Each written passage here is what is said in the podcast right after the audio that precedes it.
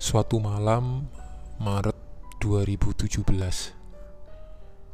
Sudah dua hari, Ibu Juwita terbaring lemah di atas tempat tidur Tidak sadarkan diri. Kami yang berada di dalam ruangan hanya bisa memandangnya Tidak bisa berbuat apa-apa lagi. Dokter Ferry sudah bekerja maksimal. Terlihat pasrah melihat kondisi pasiennya yang satu ini dia hanya duduk memperhatikan monitor yang ada di samping tempat tidur. Beberapa saat kemudian, detak jantung Ibu Juwita semakin lemah dan semakin melemah. Akhirnya, derai tangis keluarga memecah sunyinya ruangan. Ketika sekitar pukul satu tengah malam, Ibu Juwita meninggal dunia. Namaku Rida, aku bekerja sebagai perawat di salah satu rumah sakit yang letaknya di tengah-tengah kota Bandung. Sudah kira-kira lima tahun aku menjalani profesi ini, pekerjaan yang memang sudah menjadi cita-cita sedari kecilku. Termasuk pekerjaan yang menurutku sangat mulia. Aku sangat menikmati pekerjaan ini, nyaris semuanya aku lakukan dengan senang hati. Aku suka pekerjaannya, aku suka rekan-rekan sejawat, dan aku suka lingkungannya, semuanya. Ya, nyaris sempurna semuanya. Rumah sakit tempatku bekerja ini adalah rumah sakit yang sudah lama berdiri, cukup tua usianya. Seperti layaknya bangunan tua yang ada di kota Bandung, tentu saja masih bangunan yang berarsitektur Belanda. Beberapa sudutnya dibiarkan apa adanya, tidak pernah direnovasi sedikit pun, hanya catnya saja yang terus diperbaharui. Menurut sejarahnya, waktu pertama kali dibangun rumah sakit ini hanya memiliki satu gedung dan satu lantai saja. Sekarang sudah memiliki beberapa gedung dalam satu kawasan, salah satu gedungnya terdiri dari tujuh lantai. Rumah sakit yang sangat luas, cukup terkenal juga.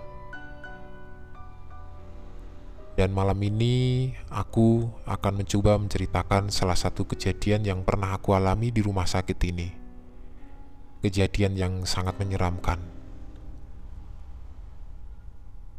Ibu Juwita, satu dari beberapa pasien yang sangat aku ingat sampai sekarang. Salah satu alasannya karena beliau cukup lama dirawat, kurang lebih dua bulan, sampai akhirnya takdir berkata lain, ajal menjemputnya di ruang rawat inap. Selama dua bulan masa perawatan itu, kami para perawat sudah cukup akrab dengannya. Kebetulan juga Ibu Juwita orang yang sangat ramah, senang bersenda gurau dan berbincang. Ketika masuk rumah sakit, Ibu Juwita berumur 69 tahun. Tubuhnya kurus dengan rambut panjang yang sudah memutih. Penyakit yang dideritanya cukup berat, komplikasi juga. Kebetulan, aku yang pertama kali menangani dan merawat beliau setelah keluar dari penanganan UGD. Ruang yang Ibu Juwita gunakan adalah ruangan VIP, satu ruangan yang hanya diisi oleh satu pasien. Di dalamnya tersedia sofa dan meja untuk keluarga yang ingin menemani. Dengan telaten, aku merawatnya pada malam pertama, mempersiapkan segala yang harus disiapkan. Hanya dua anggota keluarga yang menemani. Satu laki-laki berumur 40-an dan satu perempuan berumur sekitar 25 tahun. Yang laki-laki berdiri di samping tempat tidur sambil terus berbincang dengan Ibu Juwita. Sementara yang perempuan duduk di sofa sambil terus-terusan memainkan ponsel yang ada di tangannya. Sudah ya bu, sekarang ibu istirahat. Saya berada di ruang perawat tidak jauh dari sini. Kalau ada yang diperlukan, ibu tinggal tekan tombol yang ada di sebelah tempat tidur. Saya langsung datang. Kataku waktu itu kepada ibu Juwita. Terima kasih ya, Neng. Jawab Ibu Juwita dengan senyuman. Setelah itu aku langsung keluar berjalan menuju ruang perawat yang berada di ujung lorong. Ruangan Ibu Juwita dan ruang perawat berjarak sekitar 30 meter. Ruang rawat inap ini berada di gedung paling besar kedua, bangunan yang cukup tua usianya. Malam itu yang bertugas hanya aku dan dua teman perawat Ida dan Diana. Aku duduk sendiri di meja perawat yang berada di depan ruangan, sementara Ida dan Riana masih berkeliling ke pasien. Sekitar jam 11 malam, pintu kamar Ibu Juwita terbuka, kemudian dua anggota keluarga yang sejak awal menemani keluar dari dalam. Suster, saya titip ibu saya ya. Kami hanya bisa menemani sampai di sini. Besok kami datang lagi. Begitu ucap sang lelaki yang belakangan aku tahu kalau dia adalah anak dari Ibu Juwita. Baiklah, Pak, jawabku dengan ramah. Kemudian mereka pulang. Sendirian aku duduk di meja depan ruang perawat sementara Ida dan Riana berada di dalam ruangan yang tepat di belakangku. Lorong kosong panjang menjadi pemandangan yang aku lihat di depan. Kanan dan kirinya berbaris pintu ruang rawat inap yang tidak semuanya terisi, hanya beberapa saja. Sangat sepi dan hening. Situasi yang sudah biasa aku dan teman-teman rasakan apabila sedang tugas malam. Waktu itu sudah hampir jam satu malam ketika aku harus berkeliling mengunjungi pasien satu persatu. Ibu Juwita berada dalam ruangan yang letaknya nomor dua dari ujung. Aku sengaja mengunjunginya paling terakhir. Ketika tepat berdiri di depan kamarnya dari jendela, aku dapat melihat kalau lampu masih menyala terang. Selub, sebelum membuka pintu, aku terdiam sebentar karena mendengar sesuatu. Nyanyian senandung tembang Jawa terdengar sayup-sayup dari dalam. Lalu aku mengetuk pintu, kemudian masuk. Ternyata Ibu Juwita yang sedang bernyanyi nyanyian tembang lagu Jawa. Selamat malam, Bu. Kok belum tidur? Tanyaku dengan ramah. Iya, Neng, belum ngantuk. Supaya ngantuk, biasanya saya bernyanyi dulu. Tidak mengganggu kan ya, Neng? Ibu Juwita membalas sapaku dengan senyumannya. Tidak apa-apa, Bu, tapi ibu harus segera istirahat supaya lekas sembuh. Selanjutnya, aku menemani Ibu Juwita untuk beberapa saat. Dalam perbincangan yang cukup singkat itu, dia bercerita sedikit tentang keluarganya. Bercerita dengan nafas yang beberapa kali tersengal, dia bilang kalau tadi yang menemani di ruangan adalah anak laki-lakinya yang nomor dua, yang perempuan itu istrinya, menantu Ibu Juwita. Anak pertama bekerja di luar negeri, sedangkan yang bungsu, perempuan, tinggal di Surabaya bersama suaminya. Ibu Juwita, perempuan kelahiran Semarang, bertahun-tahun tinggal di Bandung karena mengikuti sang suami yang bertugas di kota kembang ini. Suaminya sudah lama meninggal. Sepeninggal suaminya, dia tinggal di rumah anak laki-lakinya yang nomor dua, yang tadi menemani di dalam ruangan. Cukup lama aku mendengarkan beliau yang tampaknya sangat senang bercerita, hingga akhirnya aku sedikit memaksanya untuk beristirahat. Lampu saya redupkan ya bu, kalau ada apa-apa, ibu silahkan tekan tombol panggilan. Setelahnya aku keluar, kembali ke ruang perawat. Itu malam pertama aku kenal dengan Ibu Juwita. Kondisi Ibu Juwita yang naik turun memaksanya untuk terus dirawat inap. Beberapa kali kondisinya sempat sangat menurun karena komplikasi penyakit yang dialami. Sudah nyaris dua bulan masa perawatan membuat kami sebagai perawat menjadi akrab dengan beliau. Belakangan kami tahu kalau ketiga anak-anaknya termasuk orang berada. Biaya rumah sakit sepertinya bukan masalah buat mereka. Tapi hanya anak lelaki nomor dua yang sering terlihat datang mengunjungi. Itu pun hanya beberapa kali dalam seminggu, bisa dihitung dengan jari. Anak perempuan yang tinggal di Surabaya hanya datang dua kali, aku ingat betul. Sedangkan anak yang pertama sama sekali tidak pernah terlihat. Ibu Juwita lebih banyak sendirian, hanya kami perawat yang setia menemani. Kami juga jadi terbiasa mendengar sayup-sayup senandung tembang Jawa yang beliau nyanyikan sebelum tidur hampir setiap malam. Hingga akhirnya pada suatu malam di bulan Maret karena kondisi yang sudah amat sangat lemah dan sudah tidak tertolong lagi, beliau menghembuskan nafas terakhir. Ibu Juwita meninggal dunia. Singkat cerita, ketika jenazah Ibu Juwita yang sudah dibawa pulang oleh keluarga, ruangan tempatnya dirawat, kami bereskan lagi menjadi seperti semula. Kami yang merawatnya selama beliau di rumah sakit tentu saja merasa kehilangan Sosok yang ramah dan baik hati itu harus pergi untuk selamanya karena kondisinya yang memang sudah sangat berat untuk sembuh. Salah satu bagian terberat dalam melaksanakan pekerjaan ini. April 2017 jam 1 malam. Bel ruangan nomor 11 berbunyi pertanda kalau pasien di dalamnya memerlukan bantuan. Aku langsung bergegas ke ruangan itu. Pasien di ruangan nomor 11 kali ini berumur 42 tahun. Pasien korban kecelakaan. Ada yang bisa saya bantu, Pak? Ucapku ketika sudah berada di dalam. Perlahan dia menggenggam dan menarik tanganku agar aku jadi lebih mendekat lagi. Setelah sudah cukup dekat, dengan suara nyaris berbisik dia bilang, ada suara perempuan bernyanyi di kamar mandi, Sus. Cukup kaget aku mendengarnya, tapi dengan tenang aku bilang, "Itu mungkin suara dari televisi, Pak."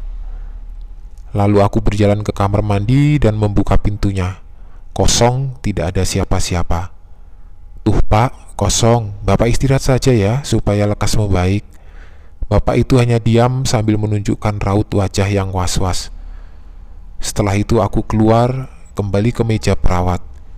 Itu salah satu cerita pasien yang kebetulan dirawat di kamar nomor 11, kamar yang beberapa minggu sebelumnya diuni oleh almarhumah Ibu Juwita. Sudah beberapa kali aku dan teman-teman perawat lain membahasnya, kamar yang pernah menjadi ruang perawatan Ibu Juwita.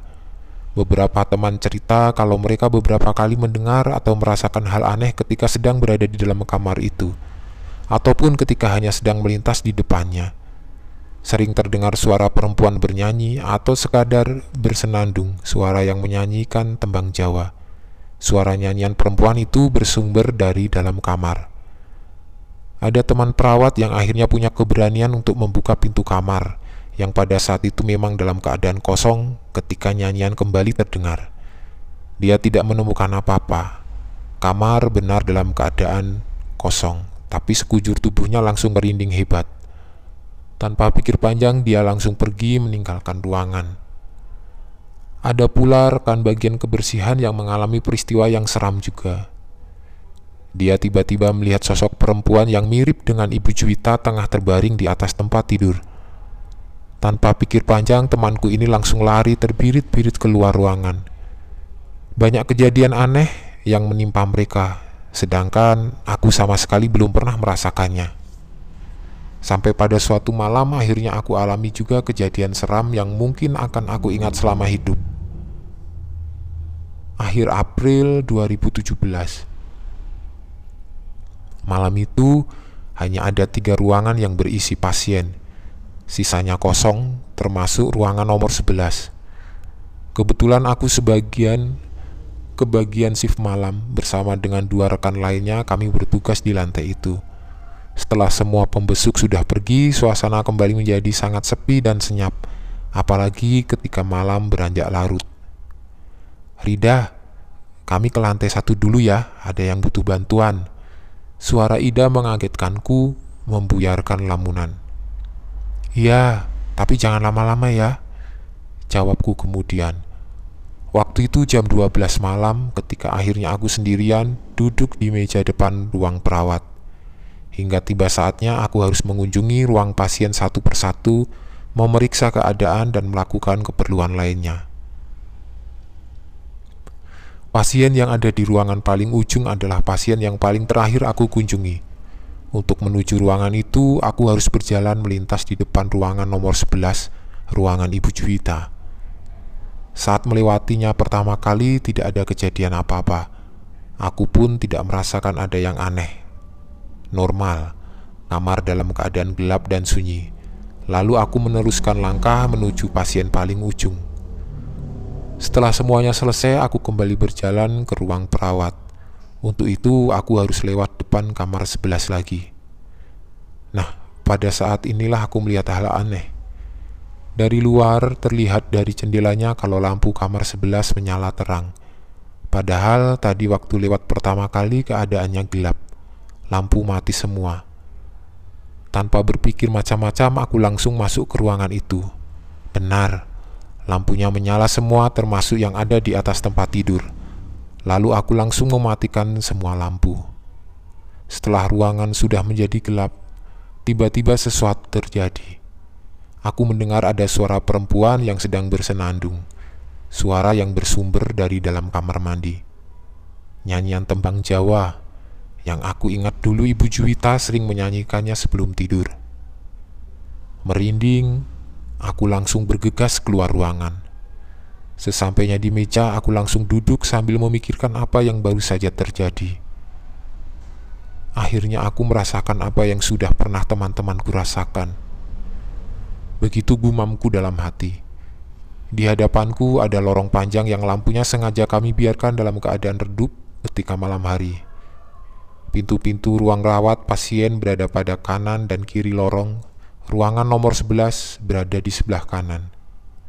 Aku hanya bisa melamun sendirian memandang ke lorong itu hingga tiba-tiba ada sesuatu yang mengagetkanku.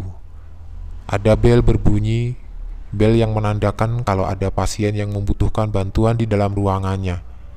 Aku terkejut, aku kaget karena bel yang berbunyi adalah bel dari ruangan 11, ruangan Ibu Juwita. Beberapa saat lamanya bel itu terus berbunyi. Aku berusaha untuk tidak menghiraukan karena ketakutan, hingga akhirnya bunyi bel berhenti sendiri. Cukup lega, tapi tidak begitu lama. Suasana kembali hening dan sepi, ditambah dengan perasaanku yang semakin tidak karuan membuat keadaan semakin mencekam. Sekitar 30 menit kemudian ada sesuatu yang terjadi lagi. Aku memicingkan mata, memandang ke ujung lorong ketika mendengar sesuatu, berusaha mencari tahu sumber suaranya. Ternyata yang kudengar adalah suara pintu yang terbuka, pintu ruangan yang letaknya di dekat ujung lorong, tapi aku belum tahu ruangan yang mana. Terus aku perhatikan lorong itu sampai kemudian ada sesuatu yang terjadi.